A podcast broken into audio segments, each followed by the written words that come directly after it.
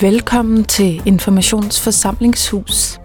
I dag handler afsnittet, som blev optaget i Informationskantine den 13. november, om Virginia Woolfs bog 3 Guineas, der udkom i 1938. Det er en bog, der spørger, hvordan man kan forhindre krig, og som kommer ind på, hvorfor feminisme og antikrigsbevægelser hænger sammen. Mit navn er Bodil Skovgaard Nielsen, og jeg har talt med forfatteren Kirsten Thorup om den her bog. Vores samtale den kommer lige her.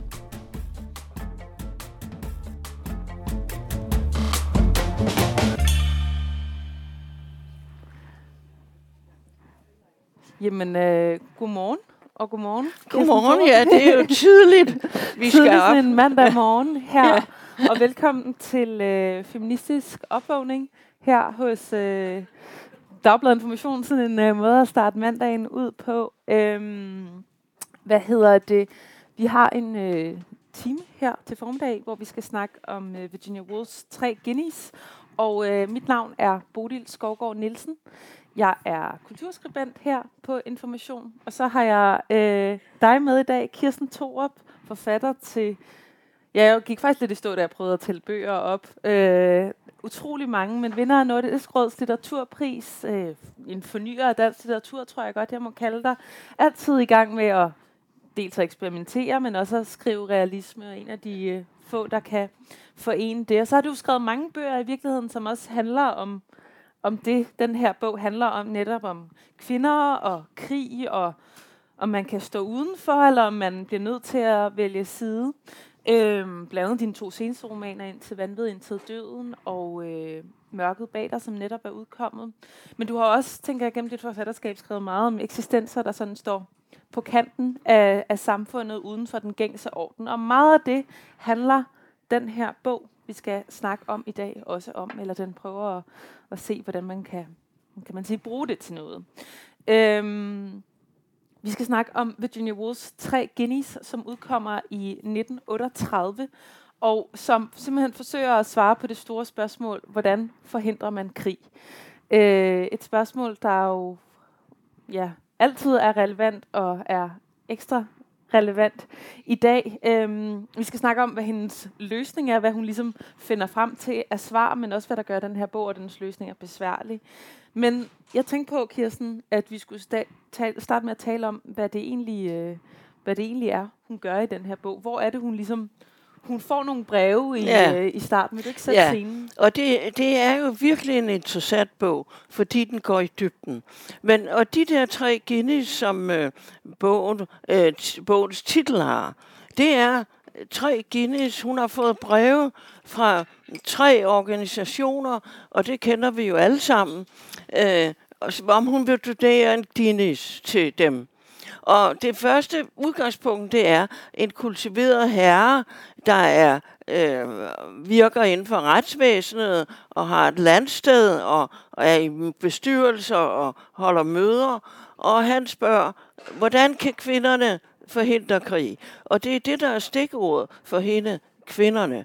Fordi, og så sender han med, som jo er relevant, øh, Øh, et billede fra den spanske borgerkrig, som jo foregik der i øh, sidst i 30'erne. Og der var der skulle nazisterne jo, øh, øh, skulle de jo teste deres nye bombefly og øh, i Spanien. Og det er så, så er det billeder af foto af øh, fuldstændig øh, murbrokker og, og landsbyer og byer jævnet med jorden, og der imellem murbrokkerne ligger der lige, altså lemlæstede lige. Og det er det, som øh, Virginia Woolf kalder kendskærningerne. Hun er meget glad for kendskærninger, og det er man nødt til, hvis man skal gøre oprør, så er man nødt til at gå ud fra kendskærninger. Hvordan er tingenes tilstand? Og det gør hun. Og det, han vil gerne have hende til at donere en Guinness til øh, en øh, antikrigs øh, organisation, han har. Og, men så, så går hun et skridt tilbage, fordi hun er lidt, hvad skal man sige, ironisk over for det der med, at kvinderne skal hjælpe med at forhindre krig. Fordi, hvordan, skal de, hvordan kan de det? Fordi mm, meget få kvinder har en uddannelse. Og øh, det forudsætter jo, hvis du skal have indflydelse i samfundet, forudsætter det jo en vis øh, øh, øh, viden om politik og så videre, som hun skriver. Og øh, øh, hun vender og drejer de der tre Guinness, fordi det næste Guinness skal gå til øh, renovering og, og ombygning af øhm, kvindecollege i Cambridge. Og de er fattige i forhold til mændene, som har millioner af pund og er rige og, op, altså, og samler formuer. Og det er i kvindekollektivet. Der er få, der er kommet ind her efter valgretten i øh, 19, som, øh, som England fik. Og der, og der øh, Øh, og det skal renoveres, fordi det er forfaldet, og det er jo ikke som de store college, som mændene har. Det er forfaldet, og, og der er ikke råd til, at, at der er service, og kvinderne skal selv gøre rent og lave mad, altså samtidig med, at de studerer. Og der, det, det, det er den anden Guinness, der skal øh, komme der. Og, øh, og det er jo en vigtig ting, øh, som hun så diskuterer med uddannelse. Øh, forudsætningen og det handler også om uafhængighed og frihed for kvinderne. Og så den tredje, det er øh, en forening, der skal fremme det er jo kvinder, der spørger sekretærer og så videre, kasserer i de der foreninger. Den tredje er at øh, fremme kvindernes mulighed, når de har fået, vi taler om højere uddannelse her, akademikeruddannelse, når de har fået uddannelse, deres mulighed for at få arbejde, for det er svært. Fordi de, er, de, er, de må ikke sætte, når kvinderne får en akademisk udsendelse, må de ikke sætte BA efter. Jeg regner med, at det betyder Bachelor of Arts. Men der er de jo allerede diskvalificeret, i, når de søger job, fordi de ikke må betegne deres øh, lige så gode uddannelser og måske lige så høje eller højere karakterer. Og det er de tre, som hun skal tage stilling til. Og, og altså, så hun... Øh, og hun vender og drejer, og der finder hun et afsæt til øh, at diskutere, hvordan er kvindernes stilling i øh, England der sidste 30 år. Og jeg vil lige sige en ting, at det der er også virkelig befriende ved den bog, det er, hun har et klart markering af, hvor hun taler fra. Det er ikke sådan, det er et stort, og kvinder er det hele. Hun taler fra de uddannede mænds døtre. Det er dem, hun taler om, som skal ind på universiteterne. Øh, og det er dem, som har mulighed for det i, i, den, altså i den tid i England, som jo var et meget opdelt klassesamfund. Og så hun, Altså, og hun taler også, at arbejderkvinderne har en helt anden øh, muligheder eller ikke muligheder. Altså for eksempel at strække på en fabrik, hvis de ikke vil lave krudt og kugler til krigen. Altså, hun, og det er jo fordi, der bliver tit så meget den der falske universalisme, fordi den, den smører ligesom det hele over en kamp. Men hun, og det kan jeg meget godt lide, at man ved, hvad hun taler om, og man ved, hvad hendes udgangspunkt er. Det er jo også hende selv uddannet mænds døtre. Altså, den akademiske klasse i England. Øh, og altså, og, altså hun, hun øh, hun, altså man, det er meget klart hendes, øh, hendes udgangspunkt for os læsere. Og hendes spørgsmål og præmis er vel også, tænker jeg, hvorfor øh, de her uddannede mænds døtre, de de har jo fået stemmeret nu, ikke? Ja. Det, det er jo sådan lidt det, der er, ja. er forudsætningen. Ja. Hvorfor i alverden har de ikke forhindret krig? Ja. Øh, det er sådan det ja. store spørgsmål ja, det, nu. Ja, nu kan ja, de jo bare... Ja. Men det ja. betyder jo, at man stiller store krav til kvinder. Ja. Det gør man også i dag. At kvinder skal lave verden om, men det vil vi også gerne. Men hvordan? Og det er ja. det. Fordi hun siger, at hun siger, at den eneste karriere som uddannet mænds døtre, hun snakker netop ikke om arbejderkvinder, det er ægteskabet. Og hun kalder meget forudseende også her i 1938 ægteskabet en profession, ikke? Jo, det er sådan en formulering, jo, der jo, går igennem og hun kalder det også en prostitution. Ja. Og det, behøver, det handler ikke kun om sex. Det handler også om, at, at den afhængighed og den underdanighed, man får, når man altså er afhængig økonomisk. For hun, der er også meget økonomi i denne her bog mellem mænd og kvinder. Altså, at det, at man er afhængig af en ægte mand gør jo, at man følger ham. Altså, man følger, fordi man er nødt til at, at, at spille på sin kvindelighed, og sin, at man ligesom ikke øh, modsiger manden, i hvert fald ikke, når man er til selskab. Det gør en pæn dame ikke dengang. Øh, og så hun, hun øh, altså, øh, de der kvinder, som så, øh, altså, i slutningen af bogen får smækket dørene op fra det private hjem til, øh, Øh, til verden.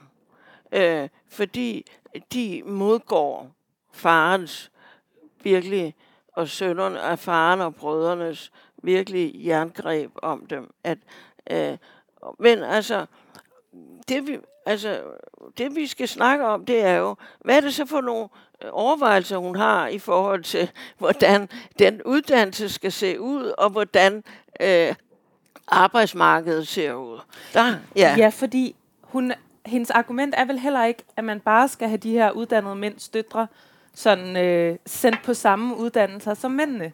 Øh, sådan så de kan blive, øh, altså selv blive uddannede kvinder så. Øh, det hun vel også spørger om, tænker jeg, er, hvordan i alverden skal man sørge for, at øh, mændene, de har ligesom haft colleges og uddannelser og fået høje lønninger i hundredvis af år. Ja. De har ikke rigtig formået at ændre øh, det der med, at vi stadigvæk har krig. Nej. Øh, hun har vel også et spørgsmål, tænker jeg, der handler om, at vi skal have en anden, øh, altså en anden uddannelse. Det er ja. det, der, hvor det ja. bliver svært, ja. ikke?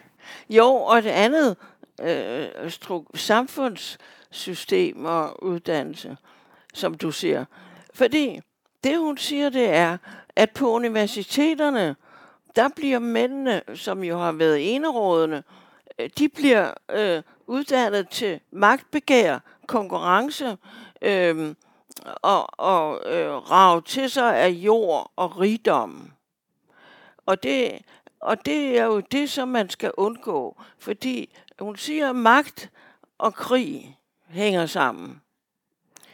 Altså, hvordan, fordi det nytter ikke, at kvinderne bare træsker bagefter de få, der er i bagerste række i de processioner, der er med parrykker og kapper og, og admirals ja, hun har øh, sådan en sovsekander ovenpå.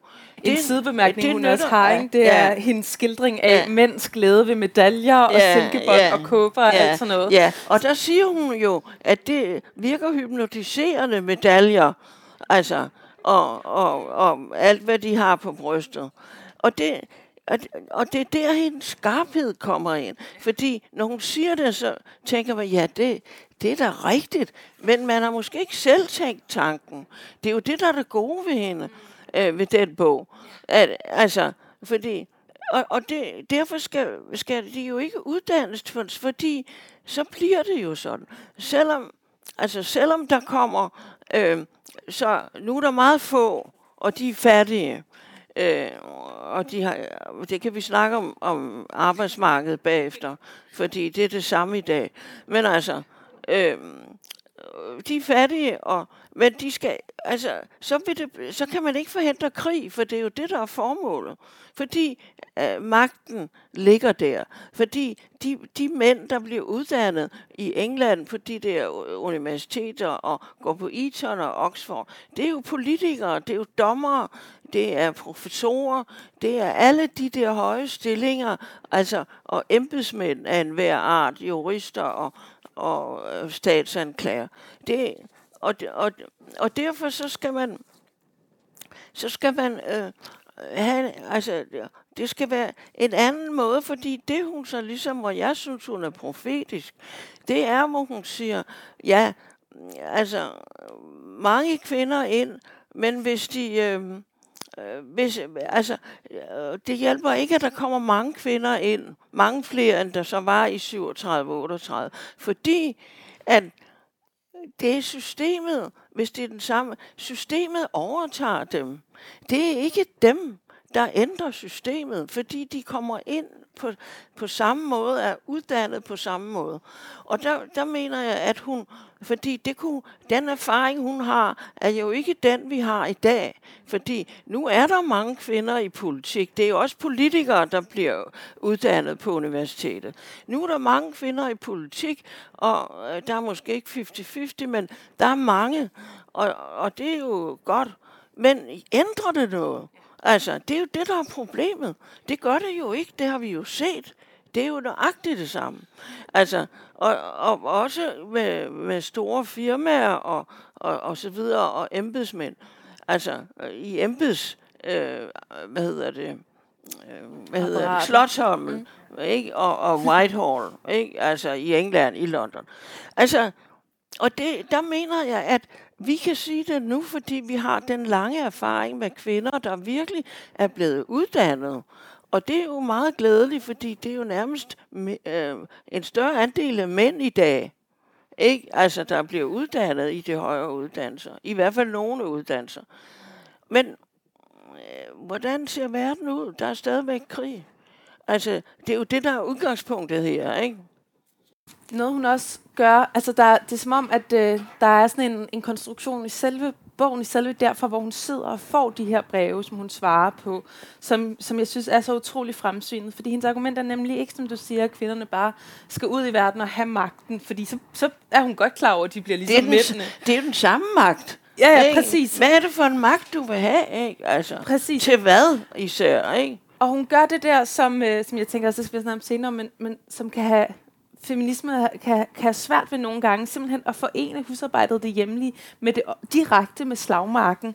Der, og hun, hun gør det allerede, synes jeg, i den scene, hun sætter op der, hvor hun sidder ved et skrivebord, og så vælter det ligesom ind med breve fra verden af folk, der vil, have, der vil bede hende om støtte til penge eller om ja. erklæringer. Hun sidder og læser... Øh, øh, Wilfred Owens digte fra Første Verdenskrig. Ja. Hun får de der billeder fra den spanske borgerkrig.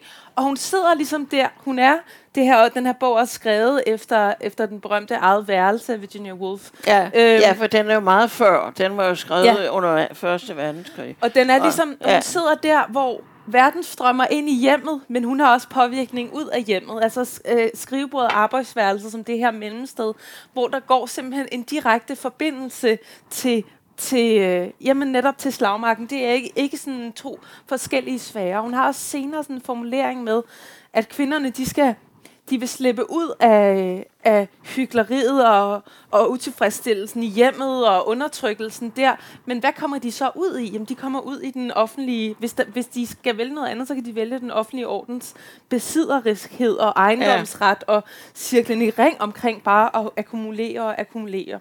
Og allerede i det der i det der arbejdsværelse kigge ud, men samtidig været indenfor, synes jeg, er der noget, er der, et, er der et blik, der ligesom går et andet sted hen, eller en scene, hvor man kan være et andet sted fra. Øhm, fordi det, det er jo ellers det, der også hurtigt bliver hendes problem. Hun, hun siger, hvordan skal jeg...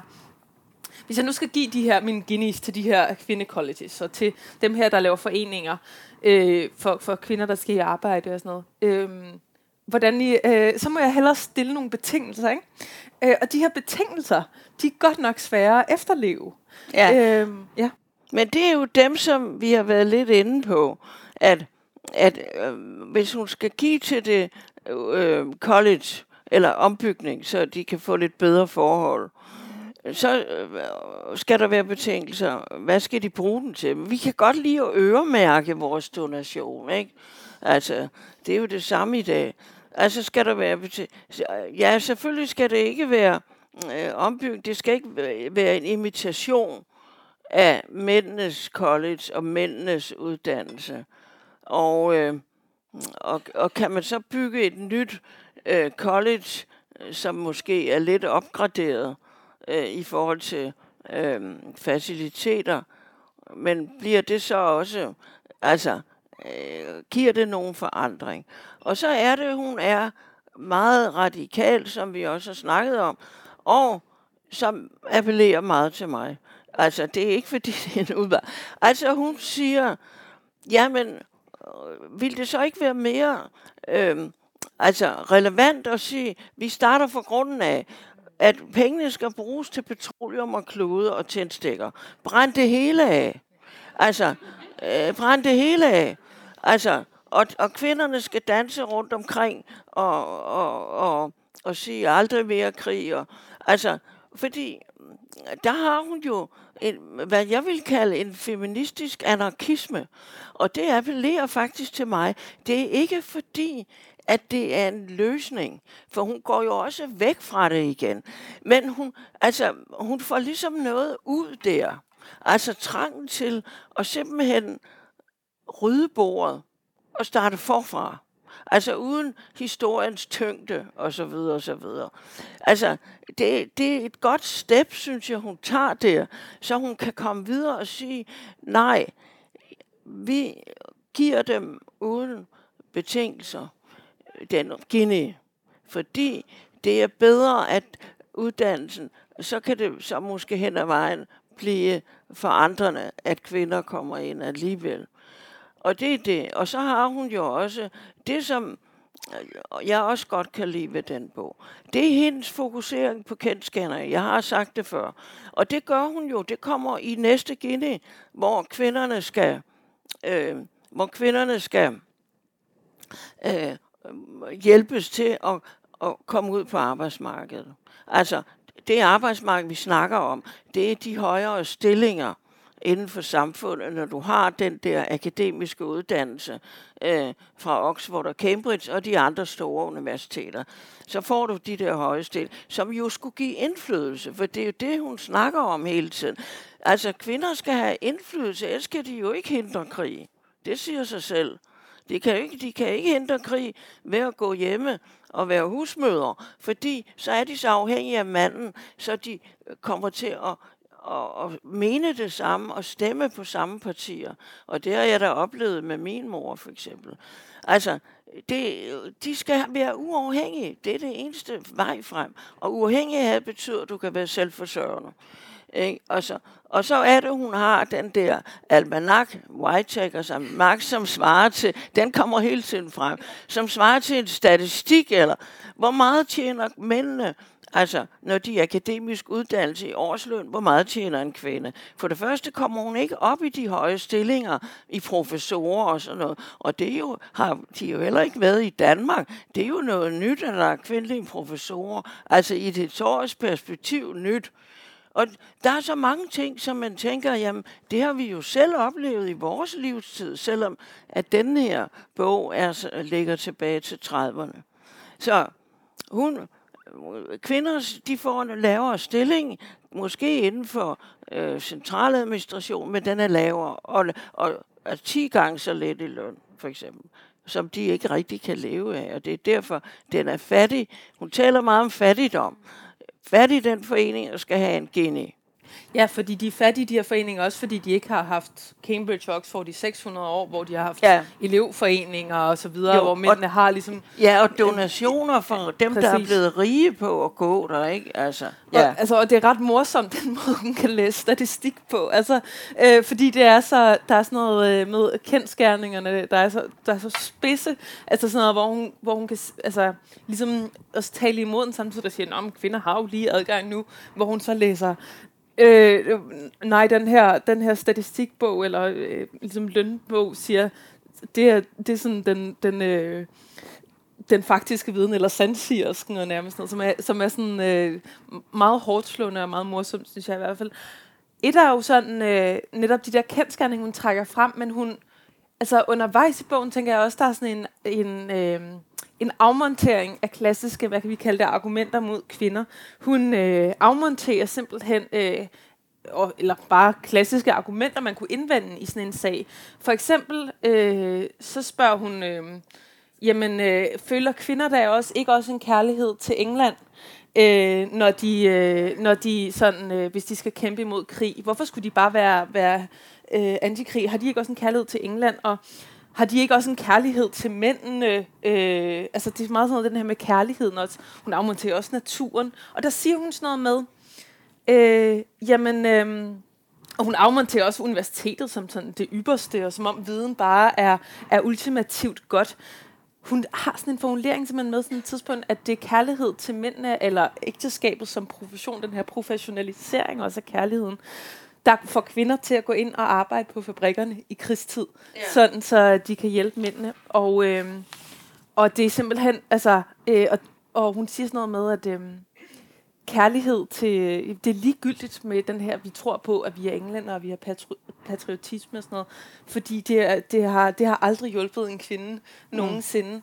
Ja. Og det er, jo, det er jo netop som måske ja. det, du kalder feministisk ja. anarkisme, ikke? Jo, men også det, hun siger, at hvis jeg lige skal tage tråden ja. op der, altså det er jo også det, hun siger, patriotisme og elsker du ikke dit land. Ja. Hun siger, England er ikke mit land. Jeg ejer ingenting af England. Hun taler meget om, om ejendomsret, som hun virkelig gør nar af. Hun siger, jeg har ikke noget land, for jeg ejer ingenting af England, som alle de der, der har store landsteder, og alle de der. Øh, fordi øh, mit, mit land er hele verden, siger hun. Og der har vi jo allerede noget fremsynet der, ikke? Altså, selvfølgelig har der været øh, Folkeforbundet og sådan noget. Men altså, øh, det er det, hun har, hun har ligesom meget præcise indvendinger mod de ting, ikke? Jo, og, og, og det der med, med om hun, øh, altså, øh, altså hun mener, at man kan sagtens, øh, med det du sagde, øh, øve modstand mod krig ved at nægte at hjælpe. Og hun har der en borgmesterfru, der nægter at, at strikke sokker til, øh, til soldaterne. Ja. Som og, først møder meget ja, forarvelse i den ja, by, der ja, og sådan noget. Altså, de vil ja, for, jeg vil, ja, det vil, og, ikke altså, det. Og hun har, altså, hun er meget præcis og konkret, altså, og hun har jo mange fantastiske billeder jo. Altså, det har hun. Ja, det, altså, ja. det der med at gå rundt om, en om ejendomsrettens enebærbusk, giftbusken. Ja. Altså, og så øh, også det vigtige i den billede er, at netop hun beskriver det der, hvordan samfundet ude i den offentlige orden, der, der danser alle rundt om den der enebærbusk, som er ejendomsretten, og vi skal bare have mere og mere. Det hendes forslag er, det er, at man skal grine af den enebærbusk. Man skal gøre nar af den. Man skal, det er ja. simpelthen en af løsningerne også. Ja. Og grine ja. af de store ja. idealer. Ja, netop. Ja. Og satiren, som hun ja. har, og sarkasme. Øh, og det, altså, fordi, altså, det næste afsnit med det der med, med kvinderne i, øh, der skal have arbejde i forhold til deres højere uddannelse, der handler det jo meget om økonomi, ikke?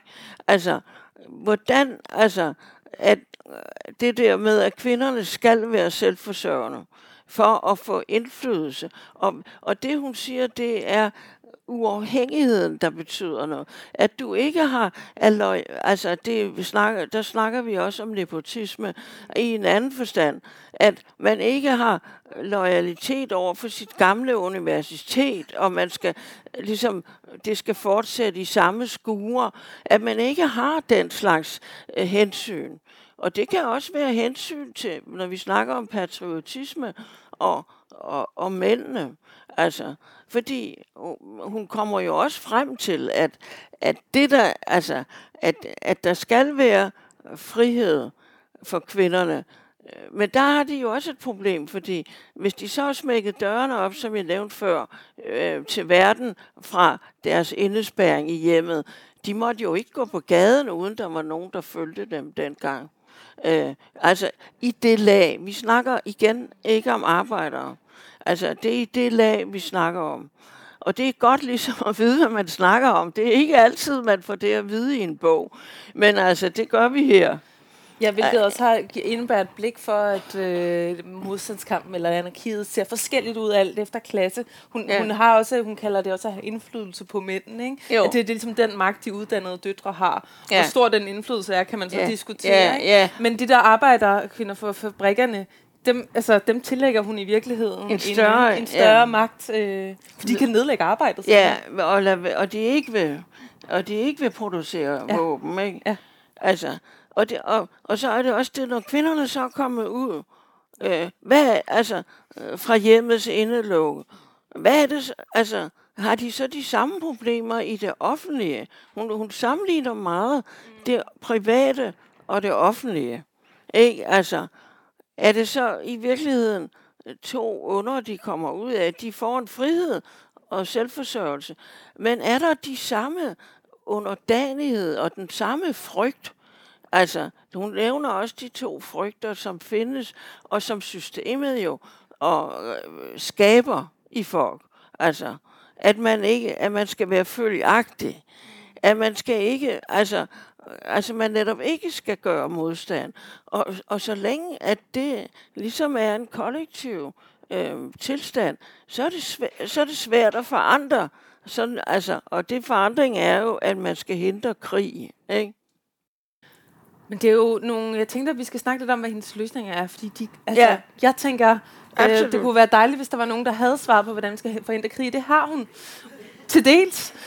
Men det er nogle, de er meget svære efterfølge, ikke? Fordi hendes løsning, eller hvad vi nu skal kalde det, går ud på, at man også skal stille sig uden for den her konkurrence. Hendes løsning på sådan ejendomsret og økonomi er, kan jeg godt se for mig, det er sådan noget, alle skal have hvad de har brug for, ikke mere end det.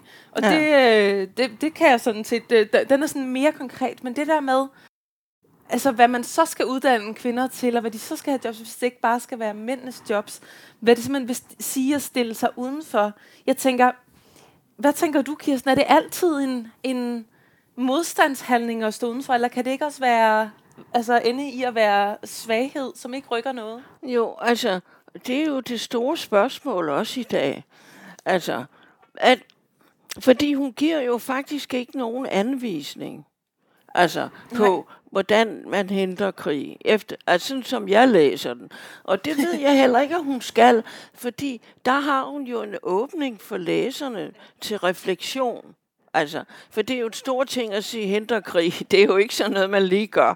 Vel, det kan vi jo se, fordi altså, Øh, der har jo altid været krig til alle tider de sidste tusind år, eller hvor meget. Og det er jo det, der er den store tragedie øh, for mennesker. Altså, og det, det har vi jo i dag, og det har man altid haft. Altså, den ene krig føder den anden. Men det kan vi jo snakke om bagefter.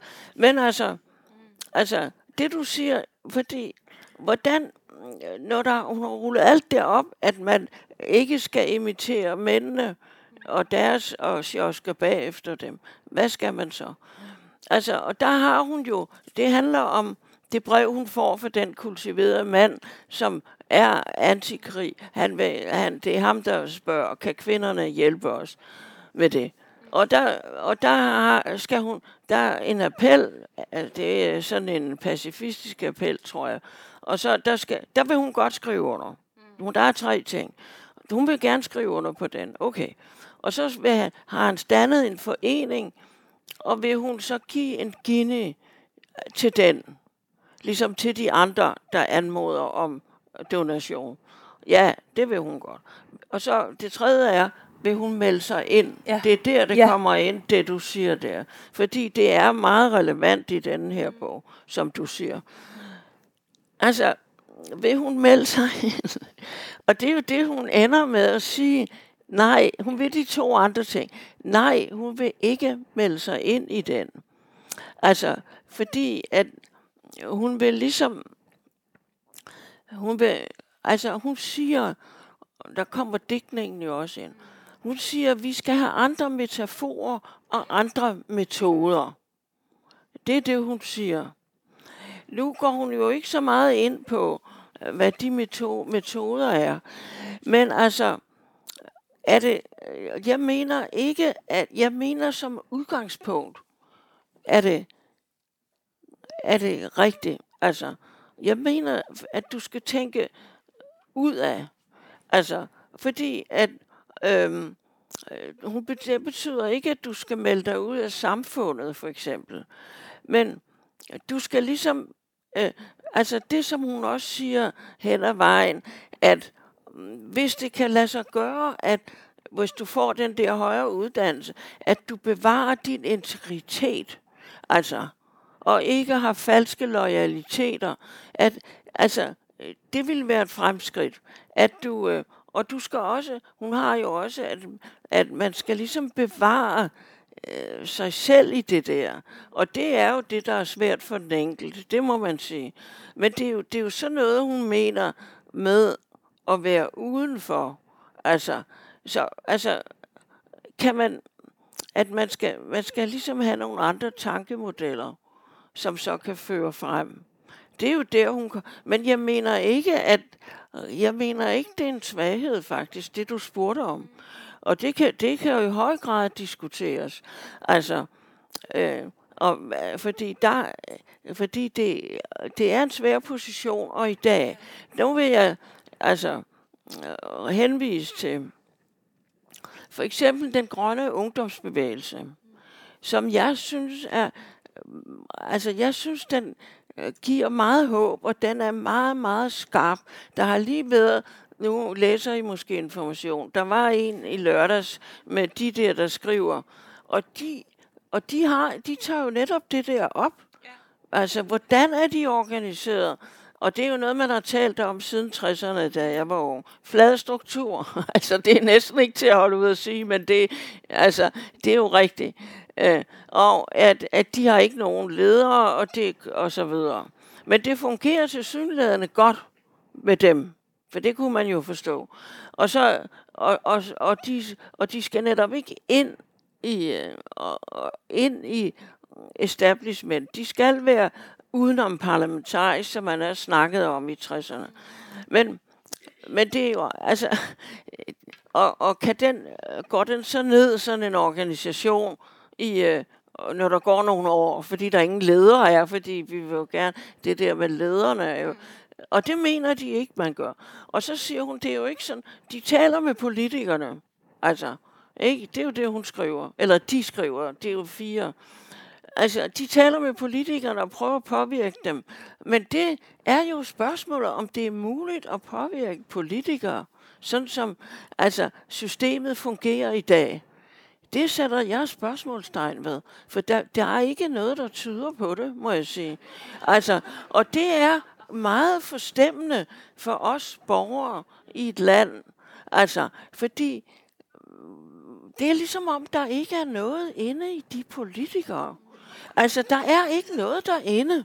Og det er, altså, altså og der, og der vil jeg sige, der, hvis vi snakker om ungdom, altså nu skal jeg nok lade være, og, for du skal, men altså, men, men altså, der synes jeg, at at hele den strategi, den grønne ungdomsbevægelse har, i det jeg har læst, de har også læst et, de har også skrevet et manifest, og det er jo mere radikalt end den der, øh, end den der artikel. Altså, hvordan, det er okay, hvis det skal gøres noget ved øh, klima, nu snakker vi ikke krig, men det er jo de samme store spørgsmål så skal man lave radikalt om for samfundsstrukturen. Altså, det er jo ikke noget med, at den måde, vores samfund er indrettet på i dag, som jo starter fra midten af 1800-tallet, hvor, hvor landet var delt op, så man kunne have partisystem, fordi de repræsenterede de, øh, definerede klasser, altså bønder, arbejdere, øh, skolelærer,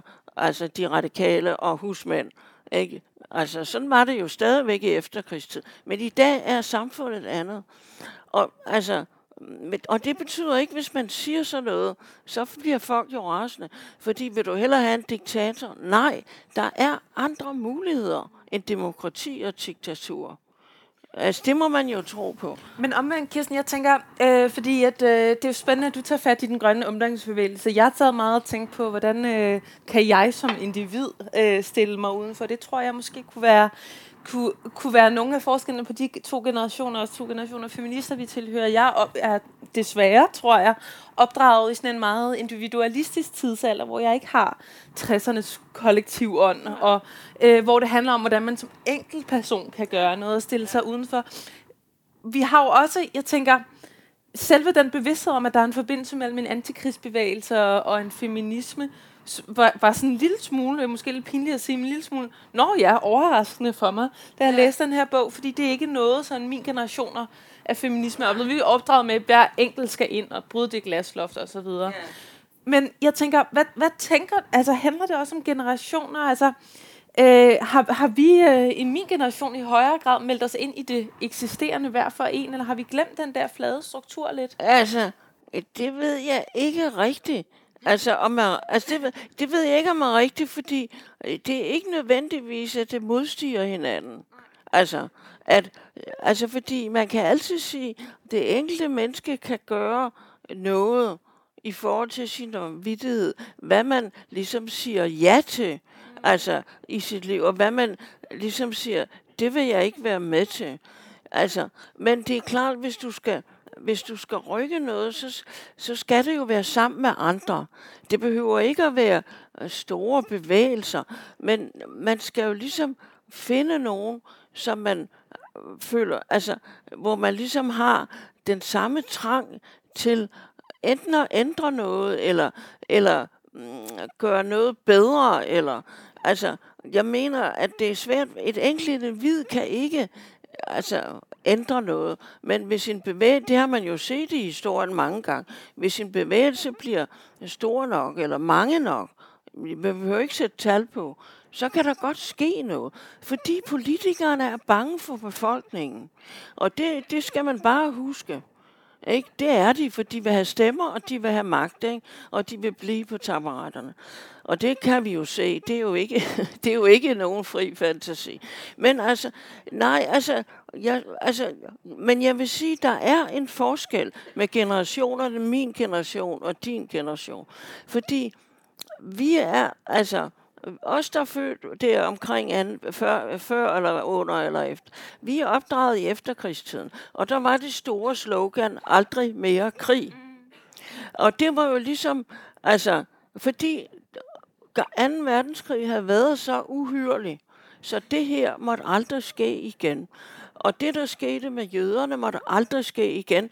Derfor kom der flygtningekonventionen og, med, og menneskerettighedskonventionen. Altså, alle de ting, der skete, det skulle vi aldrig have mere. Det kan godt være, at vi var eurocentreret, fordi vi tænkte måske mere på Europa, for det var jo ikke ret længe, inden der blev krig i Korea. Altså, vel, altså det er jo det, der ligesom er det springende punkt for os, ikke?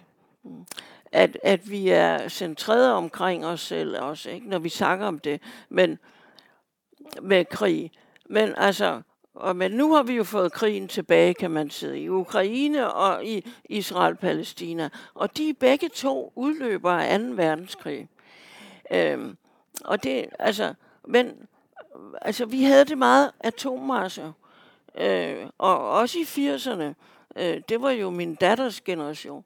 Altså med, at der blev stillet atomraketter op i Tyskland, og og, og, og det blev forbudt af Anke Jørgensen og den regering, det var et andet socialdemokrati dengang, at, at de øh, øh, forbød og en, en, øh, et, krigs, et amerikansk krigsskib, der var, havde atomvåben, øh, en eller anden slags med, altså, om, altså det var det, at de måtte ikke lægge til i Aarhus. Altså, alt de der, det var jo meget det der, øh, men jeg mener, øh, hver generation har jo sine forudsætninger. Man kan ikke sige, at, at den næste skal gøre ligesom den forrige. Fordi, øh, altså, øh, der blev jo den der, måske illusion og optimisme efter murens fald. Altså, og der, der, jeg ved ikke, om du voksede op der i 90'erne, eller senere, om i købet. jeg kan ikke huske, jeg er født i 95, så jeg voksede op efter øh, murens fald. Ikke? Øh, min tidligste minde om krig er 9-11, øh, og så gik der ellers langt ja, op til nærmest ja, Ukraine-krig, ja. hvor jeg ikke troede på krig. Men jeg tænker, at min generation har forstået, at det personlige er politisk, og det politiske er personligt, men, men det er så alligevel, tænker jeg, som om, at den bevidsthed ikke den, altså, grænserne for politik går ligesom før krig, hvad, hvad der både er personligt og politisk. Sådan opfatter jeg det i hvert fald i min generation. Rækker ikke ligesom ja. til krig. Men, altså den, øh, nej, men, ja. men det er jo fordi, at der jo... Altså, hvis du siger... Altså, så er du jo også i starten... Selvfølgelig kom der så øh, 9-11 men, og krig mod terror. Men øh, det har jo ikke været så, altså, som det er i dag. Du er jo ikke vokset op med de der skyggen af, af de der anden, og, og der var jo også den kolde krig, for den skal man jo ikke glemme, for den prægede jo meget. Altså, det var derfor, det føltes som nu, var det hele godt. Øh, i, med murens fald. Ikke? Fordi det var også en trussel, det var jo atomtruslen, som den generations, altså generationen før dig, for du er jo to generationer yngre end mig, ikke? Men altså det, og, men det er jo dejligt, når vi har en bog, så kan vi jo snakke, så er det jo lige meget, hvor, hvor ung eller hvor gammel man er, fordi vi snakker jo på lige fod. Altså, jeg mener, øhm, I har ligesom haft jeres opvækst i en helt anden tid, end jeg har. Så, og, og, og det der individualisme, det er jo noget, der også skabes, fordi det er jo også noget kommercielt. Ikke? Det, har vi jo, det har der jo været meget om. Ikke? Det der med, at man skal se ud på en bestemt måde, man skal være perfekt, man skal øh, være, have høje karakterer og alt det der. Ikke? Altså, det er jo ligesom fremmed af, øh, af den tid. Ikke? Det har været tidsånden. Ikke? Og man er, når man er ung, er man meget påvirket af tidsånden. Det var vi jo også i 60'erne. Ikke? Altså, jeg føler, at jeg er barn af 60'erne, for eksempel. Ikke? Og jeg bærer meget af det med mig. Og så er det klart, så er, der ske, så er det en anden verden, vi lever i nu, så man kan jo ikke bare overtage det en til en. Men nej, altså, mm, fordi når du siger, ja, individualisme, men, men der er jo dem, der altid står forrest og kæmpe, det er jo ungdommen. Og det er der også i dag. Det var det dengang. Og det, nu snakker vi om den grønne ungdomsbevægelse, men også antiracisme. Alle de der, og, og også alle de demonstrationer, der er, har været, eller og stadigvæk er, mod de forskellige krige, der er nu. Det er jo unge mennesker, der er i fortrop. Og det er jo det, der giver håb, for det er jo ungdommen, der er fremtiden. Jeg synes, Nej, altså jeg synes ikke, at den øh, individualisme, hvis man ikke lader det gøre som enkeltindivid, øh, behøver at modsige det, eller skygge for det. Ikke? Det er jeg glad for, du synes, uh, Kirsten, at der er, der er ligesom er, er håb uh, for min generation. Det kan jeg godt se nu. Måske lidt mere nu, hvor du siger det. Uh, ikke desto mindre har jeg i hvert fald også spejlet mig meget i dine, nogle af dine tidligere bøger, som jo også kredser om, om det, man kan kalde det det rådvilde menneske, mens verdenshistoriens gang ligesom foregår. Ja.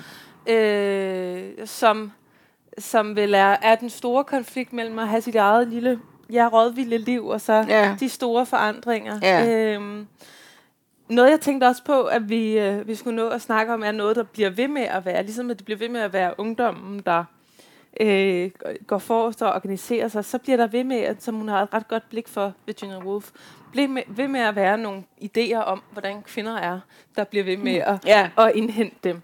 Øhm, for eksempel øh, mod slutningen af bogen, når øh, hun ligesom har genrevet samtlige argumenter, så, øh, så har hun sådan nogle formuleringer med, at når man ligesom ikke kan sige, at kvinder er mindre kvalificerede end mænd, så bliver naturen hidkaldt.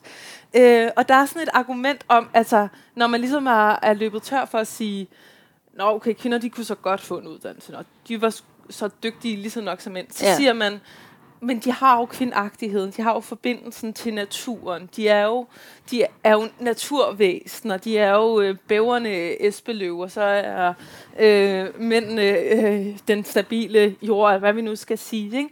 Altså, øh, slipper vi nogensinde af med den her idé om, at kvinder er øh, mere naturlige eller i forbi- og til fald for deres menstruationscykluser og alt muligt andet end mændene? Ja, det, det er svært at sige. Altså, det, det, det er jeg ikke sikker på, for det er nogle meget dybe ting. Og der vil jeg faktisk gå ind på en ting, som også er i slutningen. Og det handler om det der med, at kvinder bliver udelukket med de forskellige argumenter, som du også har sagt der. Altså netop øhm, i, øh, altså, i øh, centraladministration som embedsmænd. Ja, men det er nok fordi, de er, er, er ikke så arbejdsomme som mænd og så videre. Og der er der jo en, altså det er jo Baldwin, premierminister, siger, de er lige så gode og pålidelige, og, og de kan sagtens holde på de hemmeligheder, der er i embedsværket. Øh, måske bedre end mænd, for man siger jo, det var en joke, vi havde, i unge. Hvis du vil holde på en hemmelighed, skal du ikke fortælle det til en mand. Fordi hemmeligheder er valuta, når man sidder i, øh, ved spillebordene. Nå, men altså, det var et sidespring. men, ja, men jeg synes, det er vigtigt, det der. Mm. At, at, fordi, hvad er det, der... Fordi nu snakker jeg netop med at det irrationelle i, altså som mænds holdning. til kvinder, det der med at udelukke. De kan ikke, fordi de har de forskellige handicap. Det er jo et handicap at være kvinde, ikke? I den optik. Men hvorfor, altså han går til det der med kirken.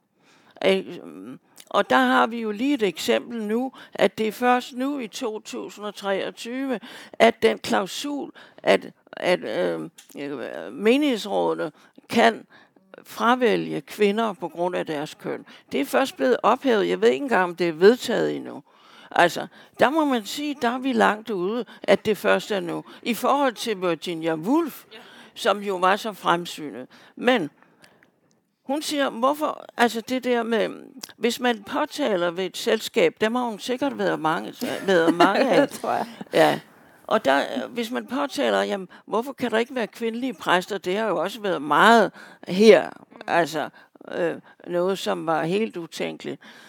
Ja, og så bliver der helt tavset, og folk bliver utilfredse. Altså, folk bliver utilpasse, undskyld. Og så, så, siger hun, så prøver hun, at hun går igen med kendskærningerne så, bliver, så er der nogle lærte mænd, der ligesom undersøger, øh, står det i Bibelen, og står det hos Paulus og så videre. Nej, der er ikke belæg for, at kvinder udelukkes øh, fra at prædike, og det har vi jo også haft meget inde på nu her i de senere år med kvindelige prædikanter. Nej, der er ikke. Og hvad er det så, der gør? Ja, så går hun til en psykologiprofessor, og det, altså, ja, det, er, er helt vanvittigt. Ja. Og hvad er det, der gør, Ja, det er både følelsesmæssigt og dybt irrationelt, at kvinder udelukkes. Altså, ja, han siger, psykologiprofessoren siger, der er ingen ja, nævneværdig psykologisk nej, forskel nej, på mænd og kvinder, nej, som gør, at de nej, ikke kunne Der er ingen teologisk nej. Men psykologisk, der er, det skyldes, og så kan man, ja, det, øh, det skyldes mændenes infantile fixering. Og hvad betyder det? Altså, de bliver angst, når man taler om, at kvinderne skal ind. Altså, nu snakker vi om specielt med præster. Ikke? Altså, angst, psykolog, eller øh, infantil, og det handler om komplekset. Altså angsten for kvinder. Og, og det, altså, altså man kan netop, altså som du siger, man kan ikke lade være at grine af det. Ja. Men der er jo, altså det der, øh, det er derfor, man ikke kan forklare, Hvorfor? Hvad er det problemet, når kvinder er lige så dygtige, når de får lige så, øh, når de får lige så gode karakterer, når de øh, altså, kan alt det? Hvad er så forklaringen på det der ubehag? Når kvinder ligesom kommer ind. Ja, hun altså, det, det andre, kan være ja. det, ja. Hun kalder det andre steder sådan øh, en stang, der ligesom ligger sig over ja. Whitehall, eller en atmosfære, jo, og, ja. og alt sådan noget. Men det er jo meget spændende også det med, at hun øh, taler om mændenes ængstelighed for kvinder og deres frygt. Det er jo tit sådan et argument, der bliver brugt mod øh, kvinder, de er frygtommelige, eller ikke frygtommelige, men frygtsomme og ængstlige, og ikke kan øh, holde til noget. Ikke?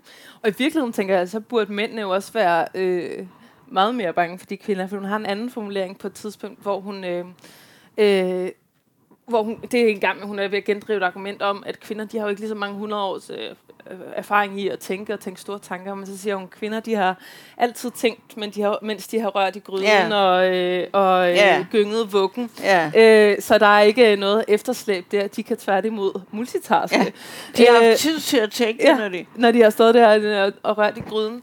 Men nu sagde du også lige... Øh, Ødipus-komplekset, ikke? det her, øh, som er, er ret... Altså, det er jo grotesk også på nogle måder. Hende, og det er mens frygt for kvinder jo også ja. grotesk. Ja. Men hun har sådan en ret fint, som jeg tænkte, vi skulle slutte på. Ja. Øhm, et billede om, hvem man skal være i den græske myte, øh, eller i den græske tragedie, ja. øh, Antigone, hvor hun har, øh, som er den her øh, tragedie om... Øh, en søster til to stridsbrødre, der er døde. Og hun, øh, den ene kan ikke blive begravet i byen, den anden kan.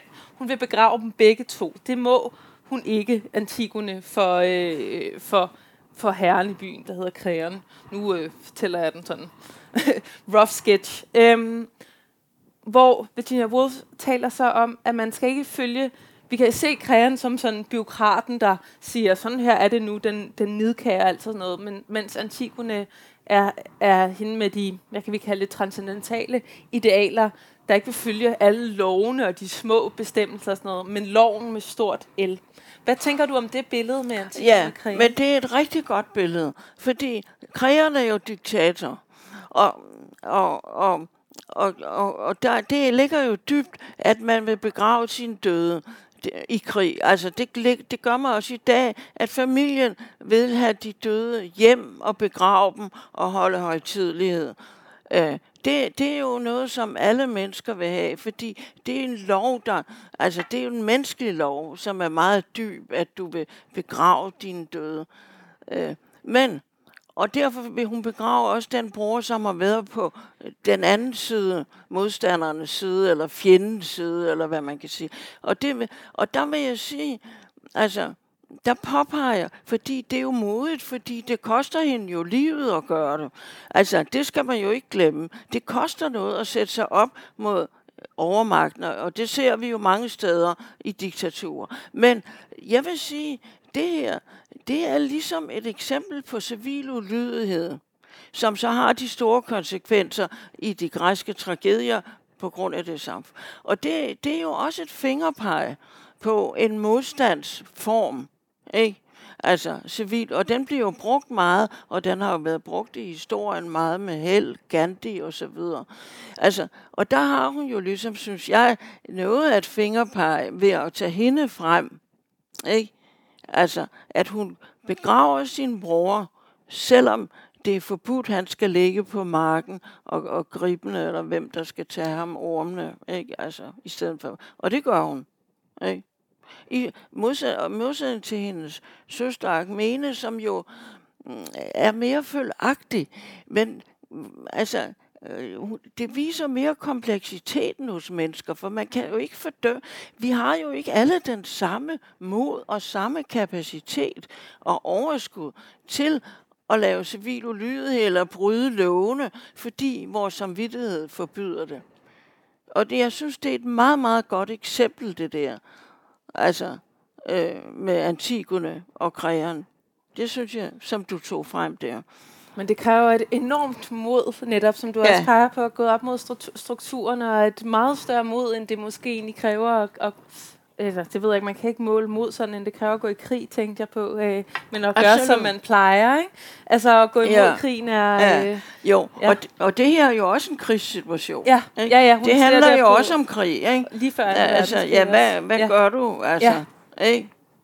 Men hun giver jo ikke direkte anled, altså, anvisning på, hvordan hindrer kvinderne krig. ja, altså, det gør hun ikke. Nej. Men hun laver nogle fingerpege, som det her sidste, som du trækker frem. Ikke? Og øh, det må så netop være øh, også Virginia Woods aftager, der må finde ud af, hvordan vi så gør det konkret. Øh, Ja. Hun lægger nogle gode fu- fundamenter for det. Øhm, vi er så småt ved at øh, være ved vejs ende. Øhm, tusind tak til dig, selv Kirsten. Thorup, Jeg vil lige sige, det kræver også fantasi Ja. at lave samfundet om. Man skal finde nogle strategier. Ja. Og igen, tusind tak, fordi I øh, kom. Sikke en Ja, øh, morgen, sikke en Ja. ja. snart starte uden ud på. Tak til dig. Og, og tak, Bodil. Tusind tak. Ja. tak for i dag.